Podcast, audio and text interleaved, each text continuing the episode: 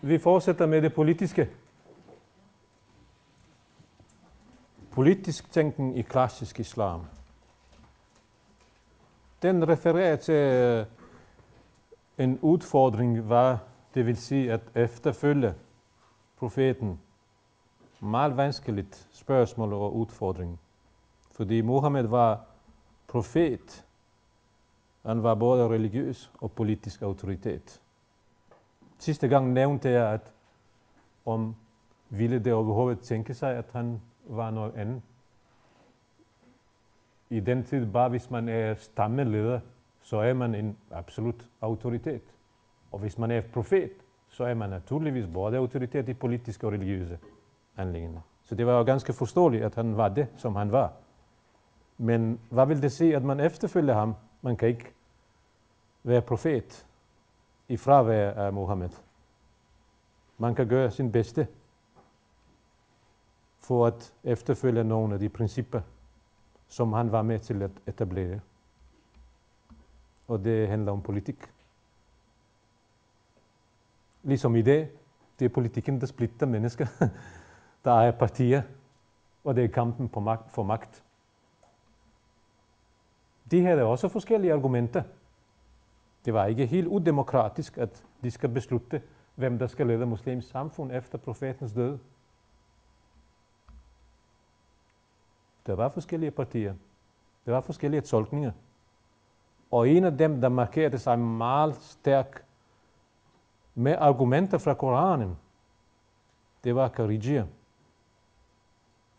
Og de var på et punkt de mest demokratiske. Nu er de kendte som de radikale. Det er de radikale islamister, der betragtes som vår tids Karigia. De er militante. De var med til at begå nogle forbrydelser. To af de sidste, øh, to af de fire retlette kalifer blev dræbt. Det skyldes karijiernes aktiviteter. Men hvor de var demokratiske, var de siger, lederen kan være en hver rettroende muslim. Den største gruppe, Murjia, mente, at lederen af islamisk samfund må være en fra Quraysh stamme, den samme stamme, som Mohammed tilhørte.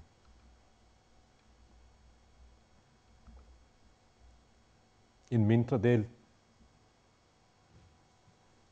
mente, at lederen skal være en fra profetens familie, eftersom Mohammed ikke havde en søn, altså en søn, som var levende og som kunne overtage positionen af leder, så var det hans svigersøn, Ali, som regnes for en del af hans familie. Og Shia betyder parti, så det var dem, der støttede Ali, der mente, at lederen skal være en fra familien og eftersom det var kun ærlig, så må det være ærlig. Men de var også tolerante. De gik ikke i kamp, bare fordi at det var en anden, der blev valgt. Så er det et spørgsmål, eller kommentar eller bemærkning. Værsgo.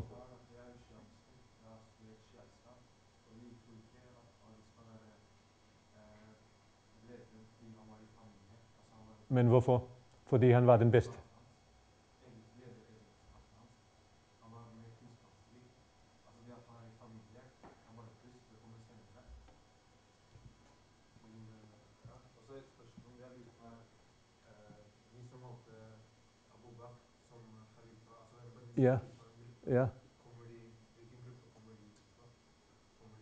Murgia, murgia, murgia. Det du siger, det er jo et kendt argument i diskussion mellem Shia og Sunni. Du siger, Ali skulle ikke være leder, fordi han er i familie, men fordi han har mest viden. Hvad er hovedargument? Prøv at gentage det klart. Hvad er hovedargument, hvorfor Ali skal være lederen for, for shia-muslimer. Præcis. Sunni-muslimer fremhæver andre øh, fortællinger, hvor profeten sagde, når jeg er syg, så skulle det være Abu Bakr, der, der tager øh, bøn som leder. Det, det jeg prøver at sige er følgende. Det er ikke en intern diskussion mellem Shia og Sunni, men største gruppe af muslimer mente, og det var en gammel arabisk tradition, Ali var også araber, at lederen skal være en fra stamme, fra klan. Og så er det kun spørgsmål, skal det være uden for stamme, eller, eller virkelig i selve kerne. Og så støtter man sig med andre argumenter. Den er en kendt hadith, som findes også hos sunnier, at Mohammed har sagt, at Ali er den person, som har mest kapacitet, altså intellektuel. Men det er fortsat kun en argument, som shiiterne mener, det er den vigtigste. Det er den vigtigste. Men der er fortsat andre argumenter. Hvem er den ældste? Hvem er den, der har mest magt? Altså i stedet for at gå ind i en intern diskussion, fordi Shia forsøger at, at trække på nogle stærke argumenter, som ikke er nødvendigvis traditionelle. Det vil sige, nej, vi behøver ikke tænke på de gamle traditioner. Vi må forholde os til det, som er mere substantielt. Hvem har mere øh, øh, en moralsk eller intellektuel kapacitet? Det jeg fortæller er, det er en situation, hvor man ikke vejer, hvem der vil mest. Det er en situation, som er præget af de arabiske traditioner. Ja? Du reagerer på, øh, du mener, det er forkert, at shiiterne mener, at Ali skulle være Øh, leder, fordi han er i familie.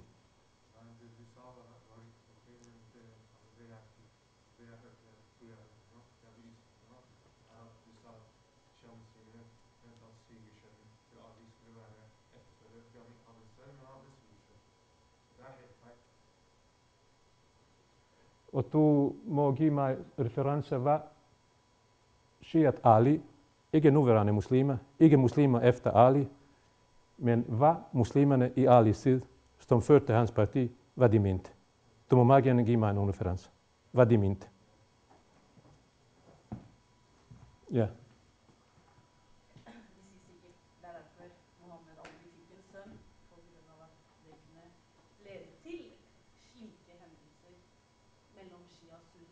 Mm-hmm. Det var siste skjønt ja, derfor hadde han bare døtre ja. Lad os tage den fjerde gruppe. Igen vil jeg mene, altså, hvad er pointen? Pointen er, at der var flere partier. Hvad var den største argument? Vi kan diskutere Kharijia. Vi siger, Kharijia, det var de, der var problematiske. Men vi må se også det positive, at Kharijia var den eneste gruppe, der forholdte sig eksklusivt til Koranen.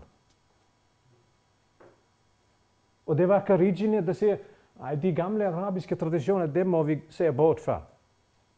Og det var Murjia og Shia, der forholdte sig til, til, til de arabiske traditioner. Og pointen er, at etablering af kalifstyre, og det er hovedspørgsmål. Hovedspørgsmål er faktisk, som rejses af oprørerne. Hvorfor overhovedet en leder? Hvorfor Abu Bakr overfor Ali? Hvorfor skal vi have en kalif? Det er det, der er vigtigt spørgsmål. Det er det, der er helt afgørende spørgsmål. Hvorfor kalif? Hvad står der om kalif i Koranen? Alle mennesker, mænd og kvinder, er skabte som kalif. Og det betyder? Det betyder, at enhver kvinde kan være kalif i princippet, men ikke som politisk leder. Det koraniske kalifbegreb har intet at gøre med politisk funktion det er jo øh, noget med skabelsesberetning, hvordan er menneskets rolle i denne verden. Alle mennesker har en, en, en ophøjet rolle, og det er kalifrolle. Og det betyder, at man skal vidne for Gud. Gud har skabt mennesker med det formål. Og det er den mest ophøjede rolle, som er højere end den rolle, som englene har. Så det er kalif. Så virkelig på det punkt var det ikke nogen snak om kalif. Så den blev etableret netop med denne tanke, som araberne havde, der skal være en leder. Findes der en kvindelig kalif? Øh, findes der i historien? Nej. Og i det, fin, i det findes der hverken mandlige, eller bortset fra Isis. Om han er død eller ej, det ved jeg ikke. Det. Ja, vi kommer til den diskussion om, hvorfor kalif overhovedet. Så det, det er det vigtigste, og ikke hvem der skal være. Hvis vi går dybere i diskussion, så er det det der spørgsmål. Hvorfor kalif? Fordi hele misforståelse starter faktisk med, at man vælger en kalif. Og hvis det var så vigtigt, hvordan kan det være, at profeten slet ikke nævnte, at det skal være en, en der overtager hans rolle. Han nævnte, hvem der skal overtage hans rolle i moskeen. Det var Abu Bakr. Og han nævnte, at Ali er den mest kyndige. Men han, han siger ikke, bortset med, at hvis shiiterne kommer med, med hadith og siger, det skal være en kalif, præcis med kalif, og det skal være Ali. Og det må så argumenteres for. Kalif er Guds stedfortræder. Og som sagt, kender Koranen ikke en anden mening af kalif. Men det vi snakker her om er kalif som profetens efterfølger. Det er en stor forskel mellem disse to. Fordi den sidste, det er noget politisk.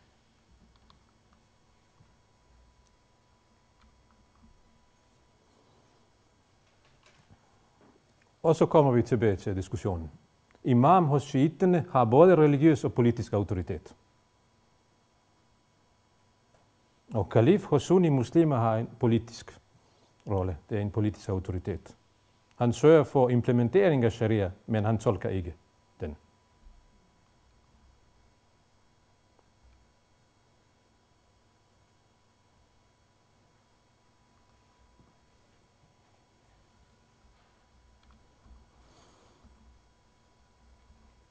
Mm, det er jo lidt historisk om kalifater og, og apropos dit spørgsmål, findes der kvindelige kalifer? I alle de store kalifdynastier, der var ikke nogen kvindelige kalifer. Den, vi har først de fire ret kalifer, det er Abu Bakr, Omar, Uthman og Ali i Medina. Det er i denne periode. Og så har vi en, en stor øh, dynasti i Damaskus, som har etableret en meget centralistisk styre. Man opfatter denne kalifmodel som ret sekulært. Og så flyttes centrum fra Damaskus i Bagdad, hvor en anden dynasti, Abbasid-dynasti, etablerer magt. Men den svækkes, fordi parallelt med denne øh, store kalifat i Bagdad, så etableres der også andre mindre kalifater. Den fatimidiske kalifat i Ægypten, som er shiitisk kalifat i Andalusien. Så der eksisterer parallelt flere kalifer, kalifater. Og så har vi den osmaniske. Når vi siger kalifat, andre vil selv ikke kalifat, men alligevel fungerer det som en stor kalifat. Hvor for første gang øh, så altså, magten ikke ligger hos arabiske, men andre folk. Det var osmanerne.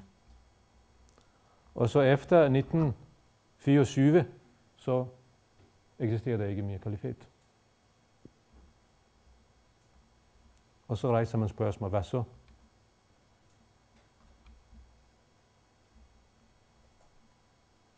Så opstår der mange øh, reformistiske bevægelser i Indien, som var et centralt land med en muslimsk minoritet, som var større end samlet antal af araber. Jeg mærke. Der var flere muslimer i Indien end hele den arabiske verden. Og så var det mange prominente øh, muslimske reformatoriske, reformatoriske tanker for den del af området. Shah Waliallah og Ahmed Khan repræsenterer den reformatoriske tankegang i Indien. Og så en mere vækkelsesbevægelse i Arabien, som ledes af Abdul Wahab, som promoverer tilbagevenden til Koranen og, og Sunna. Det er jo lidt i samme retning som de moderne salafier. Han kan også betragtes som en slags forgænger for den moderne salafistiske bevægelse. Men øh, en meget ja, reduktiv, fordi hans hovedmål var ikke bare at vende tilbage, men først og fremmest at rense islam fra de elementer, som er blevet integreret i islam. Og det er de mystiske, sufi-elementer, filosofiske og ikke-arabiske elementer, som han betegner ikke-islamiske, fordi han identificerer simpelthen det arabiske og det islamiske. Og hans mål var også osmanerne. at der fik han en portion af god støtte fra britterne i denne kamp.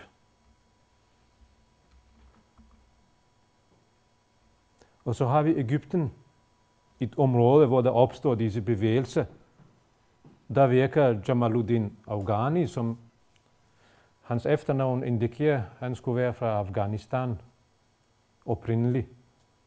Han var perser. Nogle siger, at han er persisk eller fra Persien, Iran. Og så den egyptiske Mohammed Abdu.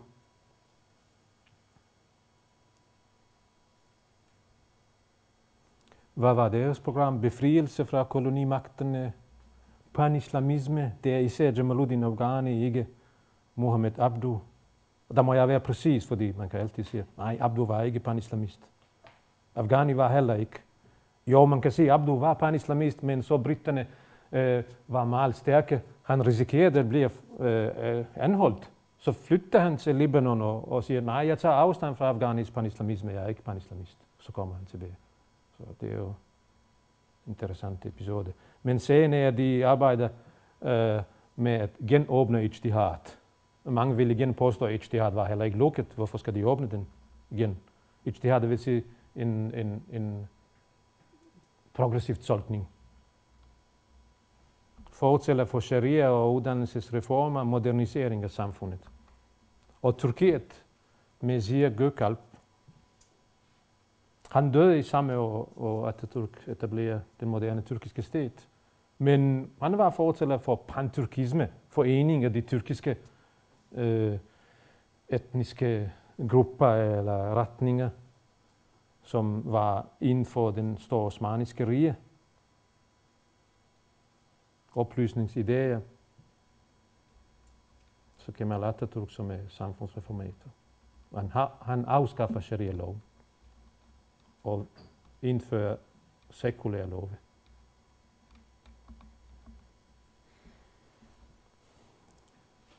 Og så kommer vi til øh, neomodernisme. Det vil sige, efter de tidlige modernistiske bevægelser, så begynder man at stille spørgsmålstegn, både ved tradition og ved islamisk modernisme. Og en nøglefigur, en nøgleskikkelse i denne øh, neomodernistiske øh, det er ikke bevægelse, det er mere en intellektuel bevægelse, øh, altså som, som ikke har en direkte politisk øh, impact eller, eller betydning, men som ud fra en teologisk, filosofisk øh, synspunkt problematiserer både tradition og modernitet. Kritisk læsning af tradition.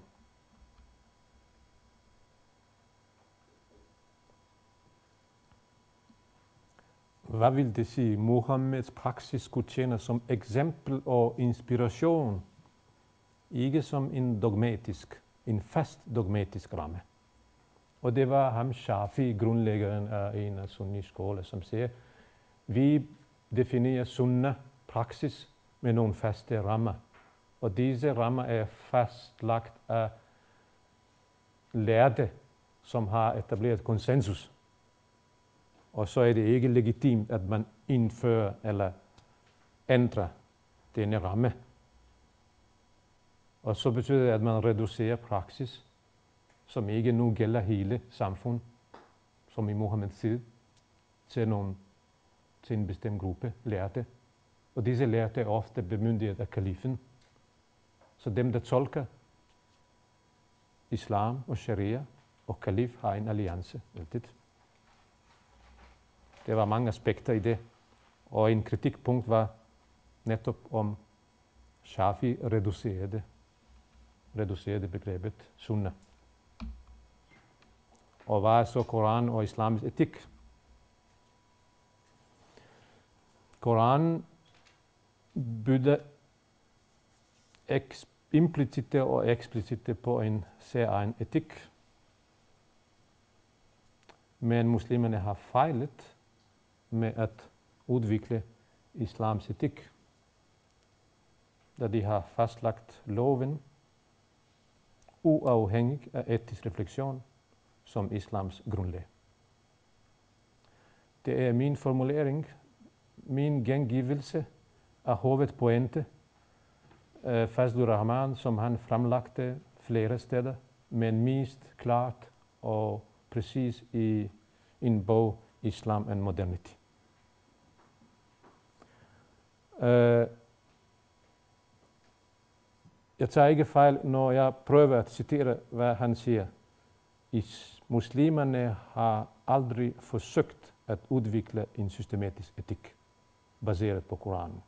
Det er så radikalt, at han siger, har ikke forsøgt. Ikke bare, at de ikke har gjort. Og efter hans opfattelse, så var det, der var nødvendigt med, hensyn, med henblik på at udforme en lovsystem. Og dette er lidt i modsætning til den artikel, som I har på pensum af Anver Emun. Tolkning af fornuftsautonomi og etik. Fordi loven er givet, og etikken bygger på loven. Det er Gud, der har det er alene Gud, der har autoritet at give det normative. Mennesket kun forsøger at fortolke det. Men nu handler det om, at selve fortolkningen er grundlag for loven, og ikke omvendt. Det gør en forskel. Så man kan stille, ikke som direkte modsætninger, men som to forskellige syn på forholdet mellem etik og loven. Fazlur Rahman og Enver Emun. Emun er ikke urepræsentativ. Tværtimod, han repræsenterer en, en klassisk, jeg vil ikke sige moderne, en mere en klassisk tilgang til tolkning af loven og etik, natural law, hvor han skældner mellem hard naturalist og soft naturalist. Og nogen der er imellem. De hard naturalister, det er dem, som, som er knyttet til Mutazila, den første rationalistiske skole, og de soft, det er jo mainstream sunni-islam. Så det er det, som Fazlur Rahman problematiserer. Men han problematiserer, og det er så hovedpunkt, selve konceptet af kalif. Der spørger han ganske enkelt, hvad står der i Koranen om kalif? Kalif er mennesket. Alle mennesker er kalifer. Hvad står i Koranen om politik? Og så siger der er et enkelt koncept, et enkelt begreb, og det er shura. Hvad betyder shura? Gensidig konsultation. Gensidig konsultation. Undskyld, betyder, øh, shura betyder ikke koranisk koncept, men shura er det, det eneste politiske koncept i Koranen. Og så spørger han, hvad så, hvis vi har et politisk koncept, shura? Hvorfor går man ind i en anden retning? Fordi for ham at se, at der er en enkelt person, der styrer, det afspejler ikke shura. Han tolker shura i retning af parlamentarisme, konsultation, diskussion. Og så kan man sige, at det var nok de første Kharijia, der var, der var på linje med det. Lederen kan være en hver rettroende muslim. Vi må tage en diskussion om det, og så må vi forholde os til Koranen. Men hvad gjorde både Sunni og Shia? De siger nej, det er en person, og det er hele tiden kalif og imam. Kalif og imam.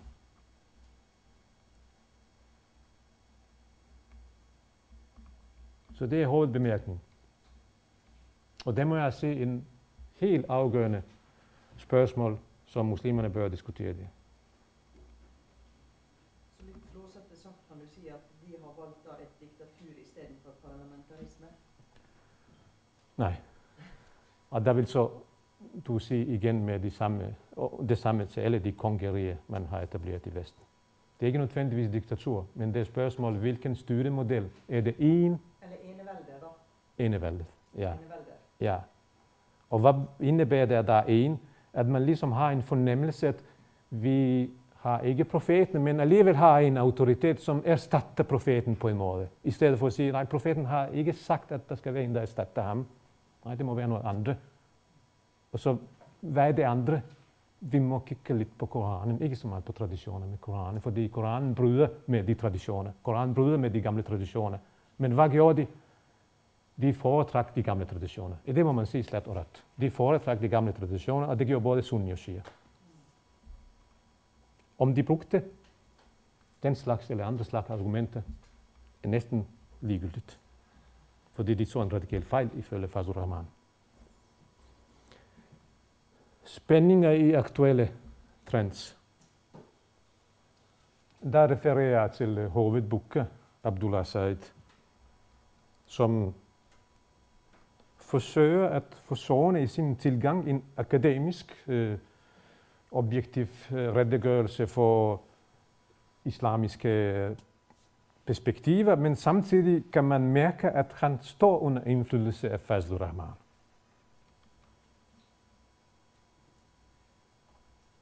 Og han nævner en legalistisk, traditionalistisk perspektiv, som fastholder de klassiske, premoderne tolkninger. Og eksempel på sådan en perspektiv er den nævnte Yusuf al-Qardawi. Og så er det politiske islamister, som er optaget af etablering af islamisk stat.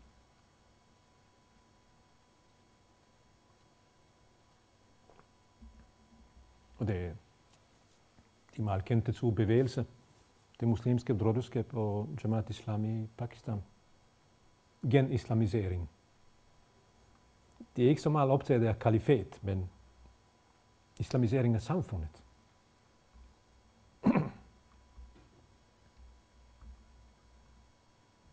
sekularister.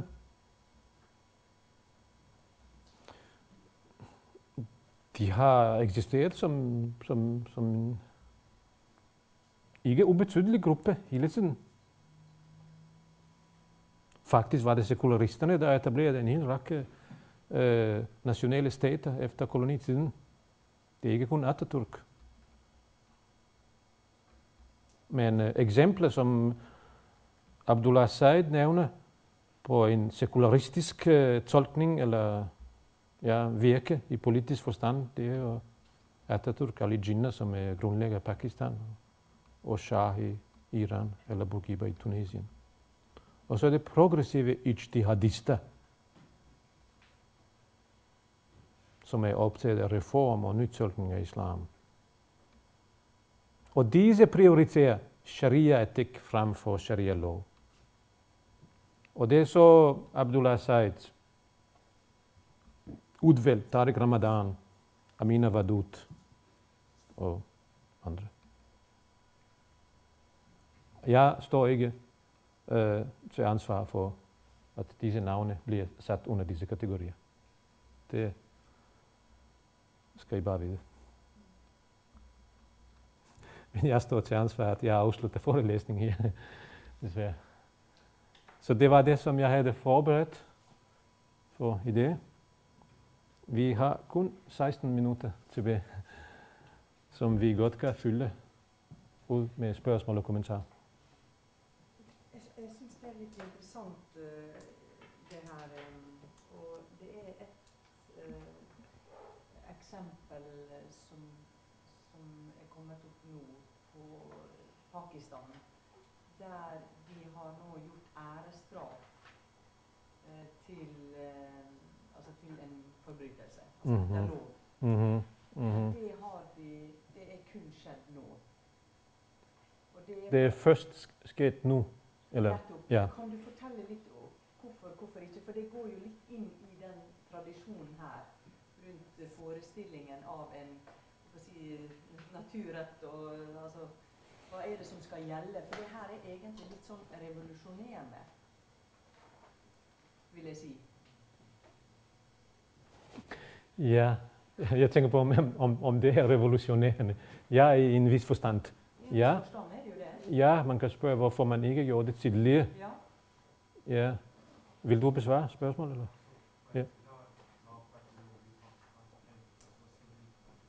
Kan du, Като, като правя цели, хватит.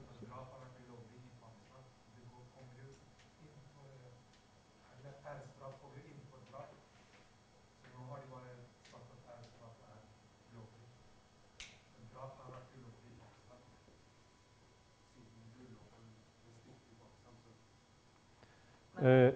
men det er to kategorier av drap?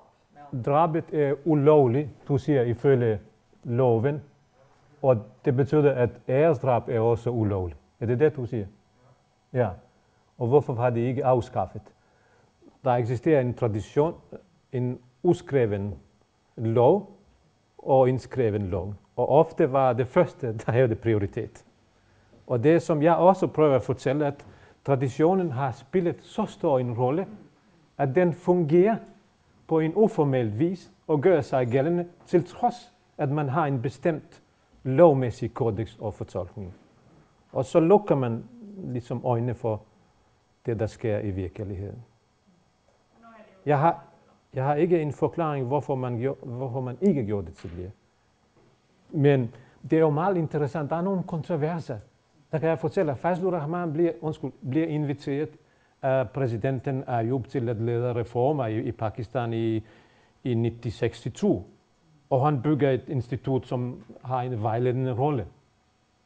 Og han møder så stor modstand fra, øh, fra den konservative pakistanske kreds af lærte, men samtidig fra Maududi, som repræsenterer den ægte islam.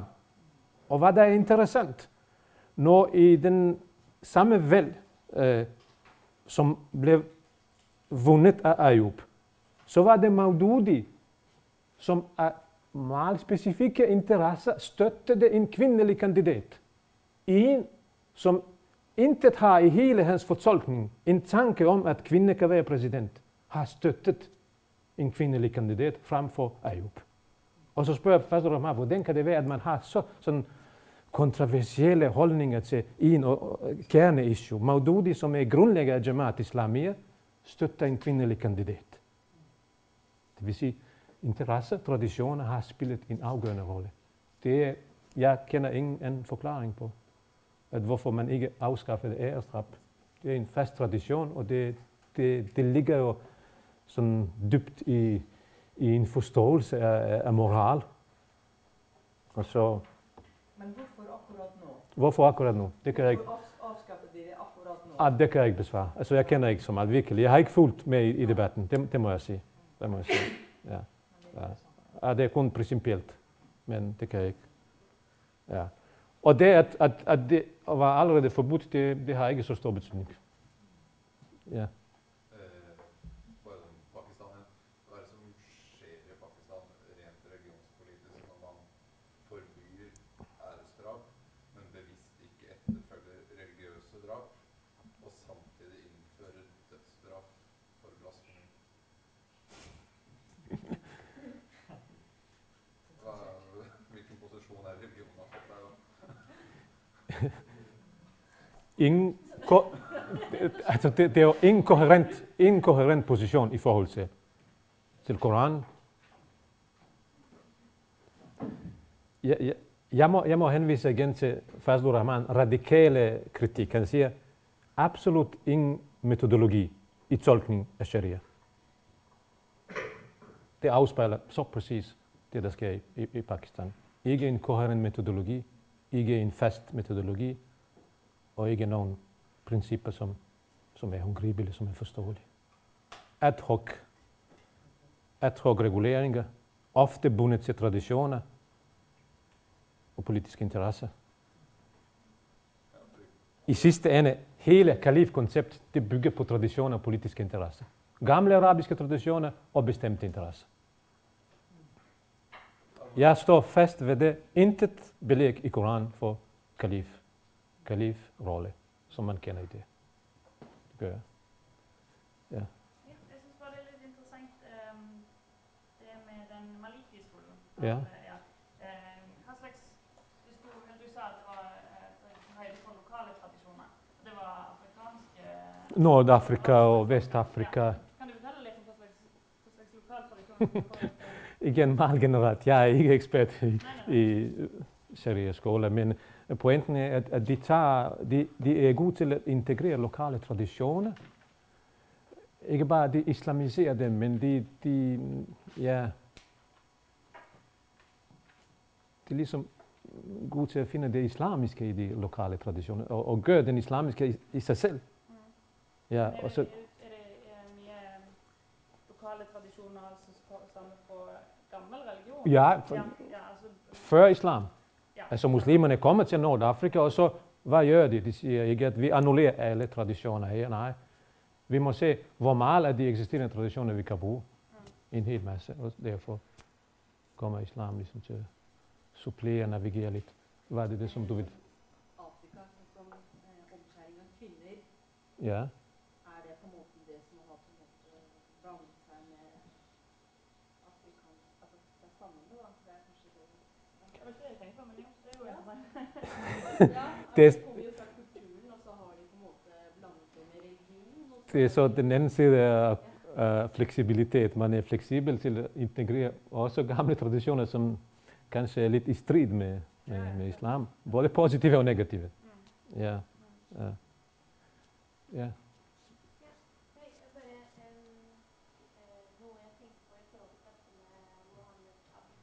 Ja. Ja. Ja lærer. Ja.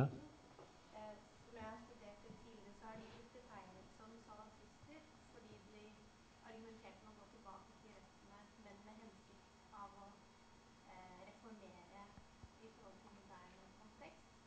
Men det vi kjenner til av salafisme i dag, er mer sånn fundamentalistisk Mhm. Mhm. Mhm. Mhm. Så jeg bare lurer på, har, har man gått litt bort fra begrepet salafist som en moderne reformistisk eh, retning også? Mm. Ja, et meget godt spørgsmål. Ganske korrekt. De kan betragtes som salafier i en positiv forstand. Fordi de er kritiske over traditionen. De forsøger at gentænke, tænke på ny kilderne. Og det er på linje med salafistiske tankegang. Og så er der en kæmpe forskel. Går man tilbage til kilderne med en ny tolkning, eller med hemmelig på at implementere kilderne, som de er. Går man tilbage til kilderne ud fra en teologisk, filosofisk øh, udgangspunkt eller perspektiv, eller ud fra en ren juridisk, politisk. Der kan være forskellige øh, positioner, interesser og motivationer. Og efter Abdu, allerede Rashid Ridda gik i en lidt anden retning. Reduktionistisk. Abdus hovedpointe var teologi og filosofi, den liberale tænkning, fornufttænkning, han er en uformelt neomutazila. Kanskje den første uformelle neomutazila. Men det var ikke legitimt. Den der idé er det ikke legitimt at sige, jeg er en neomutazila. Der er ganske få, der siger det åbent. Du får det lov til at gøre det i Indonesien. Ja, Soros som iraner siger det, men han er i USA nu. Men Ja, muta- undskyld. Salafia udviklede sig i forskellige retninger, og jeg vil ikke se, at Abdu vil genkende en hel del af de salafia. Siger, nej, det er ikke det. Det er ikke det. Så det er jo det.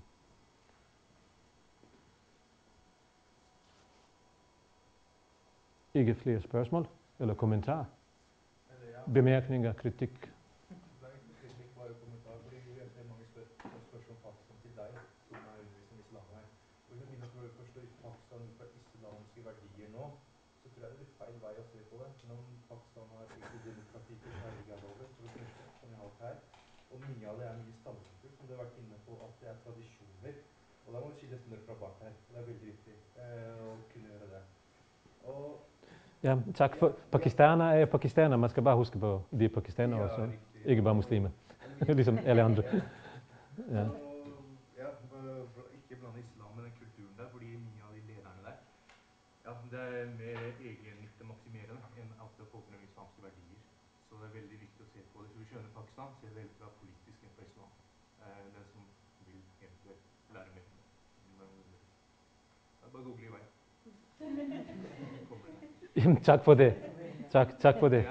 Ja, ja, ja. Selv araber er etnisk betegnet. De er heller ikke rene muslimer. Den slags eksisterer ikke. Ja, ja.